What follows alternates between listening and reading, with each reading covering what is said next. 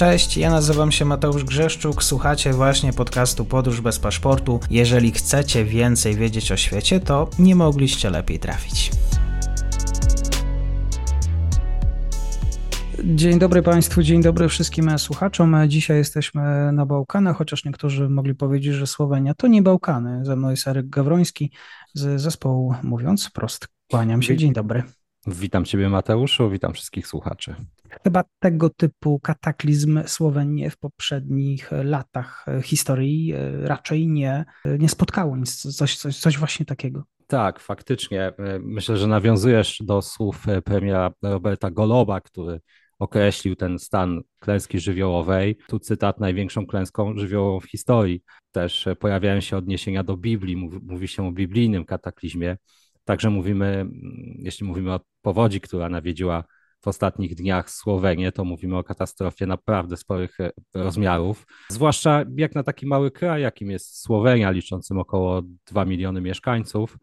Mm, no więc może od początku. Zaczęło się z, w dniach 4 i 5 sierpnia, kiedy to Słowenię nawiedziły gwałtowne burze. No i wylało kilka rzek w kraju, między innymi Muraj, jedna z największych. Skończyło się to sześcioma ofiarami śmiertelnymi, z czego dwie osoby to holenderscy wspinacze, który, którzy zginęli w, w trakcie burzy.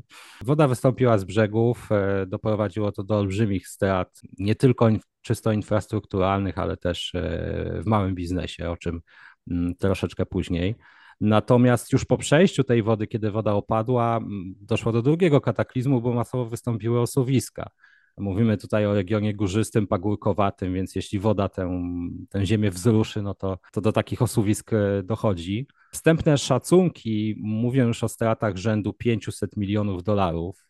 Także całkiem pokaźna kwota, z czego około połowa, według szacunków lokalnych związków, e, około połowa to mały i średni e, biznes.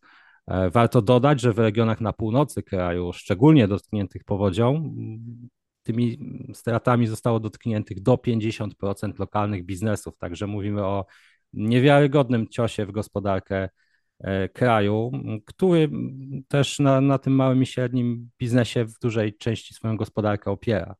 No oczywiście natychmiast Słowenia zwróciła się z prośbą o uruchomienie europejskiego mechanizmu ochrony ludności i, i wsparcie pieniężne. E, tę e, pomoc otrzyma naturalnie.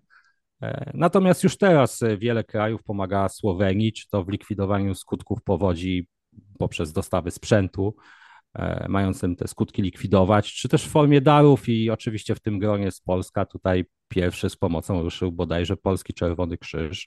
Mm, natomiast e, to, co się stało, jakkolwiek przerażające i kosztowne dla słoweńskiej gospodarki, myślę, że jest dobrym punktem wyjścia do mm, rozmowy o katastrofach naturalnych, jak powodzie, pożary czy nawałnice, które coraz częściej z roku na rok nawiedzają nie tylko Słowenię, ale i cały region. Zarówno tę część należącą do Unii Europejskiej, mogącą e, skorzystać chociażby w szerokim zakresie z pomocy unijnej, jak i te państwa znajdujące się tuż za granicą wspólnoty. Tak, Portugalia, Hiszpania z drugiej strony, słyszymy o Kanadzie jeszcze w poprzednich tygodniach. Niedaleko Rod, Rodos, Grecja, tutaj Słowenia w kontekście samego, samej no, powodzi, akurat nie, nie, nie, nie pożarów.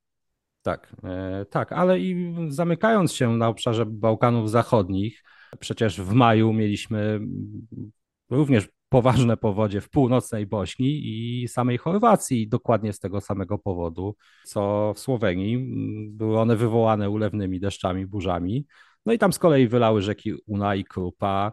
E, też mówiono o rekordowych stanach wody. Mm, też e, lokalni oficjele mm, wspominali o tym, że no to jest katastrofa rozmiarów dawno, dawno tam niewidzianych. Jeszcze w międzyczasie mieliśmy w regionie nawałnice, zarówno w Chorwacji, jak i w Serbii. Jeśli ktoś uważnie śledzi e, Twittera, no, mógł natrafić na dość dramatyczne nagrania z Belgradu czy z Zagrzebia, gdzie runęły żurawie budowlane. Także, także żywioł był takich rozmiarów. E, no i wskutek tych nawałnic śmierć poniosło pięć osób. Także to już była oczywista anomalia pogodowa. Mm, wtedy to, nad, znaczy te nawałnice były spowodowane mm, ekstremalnymi burzami, po okresie równie ekstremalnych upałów. Warto dodać, że 100 osób zostało rannych tysiące budynków zostało zniszczonych. No i dlaczego ja o tym mówię? Bo wówczas też straty oszacowano na około pół miliarda euro. I jak sobie dodamy te nawałnice, powodzie, jedną, drugą, no nie chcę tutaj wywoływać jakichś katastroficznych tonów, ale robi się z tego jakiś e, przewlekły problem, który nawarstwia się z, wraz z każdym sezonem letnim, z każdym rokiem. Tak już kończąc, spinając to wszystko ładną klamrą, to mam przed sobą tutaj raport wydany pod egidą Unii Europejskiej o zmianach klimatu, właśnie w kontekście Bałkanów Zachodnich. On pochodzi z 2018 roku i to już mniejsza o szczegółowe dane, choć mm, informacje o wzroście średniej temperatury i spadku opadów rocznych to są bardzo ciekawe, ale jednak jest to zagadnienie dla fachowców. Chciałbym tylko zwrócić uwagę, że w podsumowaniu mamy wymienione skutki zmian klimatycznych, które będą szczególnie dotkliwe dla regionu, które w następnych latach i dziesięcioleciach będą się nawarstwiać. I są to m.in. zwiększona częstotliwość i czas trwania fal ciepła, zwiększone ryzyko powodzi, degradacja kultury leśnej poprzez występowanie pożarów, no i problemy z jakością i dostępnością wody pitnej w sezonie letnim. Ja chciałbym tylko zauważyć, że w tym roku mieliśmy do czynienia z wszystkimi wyżej wymienionymi katastrofami, no i nic nie wskazuje na to, żeby nie wystąpiły one w następnych latach. Kiedy następują zmiany klimatu, kiedy również dotykają, tak jak w przypadku Słoweńców, tragedię, pojawia się pytanie wśród turystów, czy wybrać się na te popularne również w Polsce Bałkany. Wielu z nas podróżuje własnym autem do Chorwacji, coraz bardziej otwiera się na takie kraje jak Albania, tudzież właśnie wspomniana Słowenia, czy turystyka na Bałkanach, no, powiedzmy, ma się dobrze akurat w tym przypadku? Tak, y, na szczęście katastrofy, kataklizmy e, omijają chorwacką Rivierę, chociaż tutaj można by było wspomnieć o pożarach lasów. E, natomiast e, tak, jest straty wizerunkowe wskutek tych katastrof w kontekście turystyki no, mogą być potencjalnie olbrzymim problemem, bo prawda, nikt nie chce jechać, jechać w miejsce, gdzie przed chwilą zobaczył w mediach, że płonie las, płonie cała wyspa. To miało miejsce chociażby e, przy okazji pożarów lasów na Rodos e, ostatnimi czasy.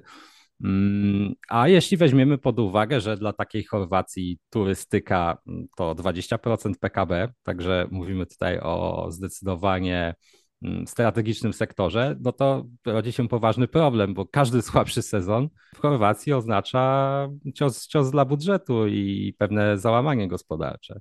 Ale no również e, te wydatki czy, czy, czy szkody poniesione już bezpośrednio wskutek, e, wskutek kataklizmu też są dosyć poważne, zwłaszcza dla mniej zamożnych krajów w regionie, no bo pół miliarda tutaj z powodu powodzi, pół miliarda z powodu nawałnicy, no i robi się z tego problem, jeśli weźmiemy pod uwagę, że wydatki budżetowe takiej Bośni i Hercegowiny wynoszą rocznie około 8 miliardów euro, a Serbii około 20 miliardów. Także bez pomocy unijnej, na, które te, na którą te kraje mogą liczyć w mniejszym zakresie niż chociażby Słowenia czy Chorwacja, no, robi się naprawdę nieciekawie. Jest bardzo dziękuję za dzisiejszy komentarz. E, państwu udanych też wakacji na Bałkanach. E, warto znaleźć alternatywę. Eryk Gawroński. Do usłyszenia. Dziękuję również. Do usłyszenia. I to już koniec na dzisiaj. Zapraszam na profil podcastu Podróż bez paszportu na Facebooku, Instagramie i Twitterze. Zachęcam też do wsparcia mojej pracy na serwisie Patronite oraz Buy Coffee. Do usłyszenia.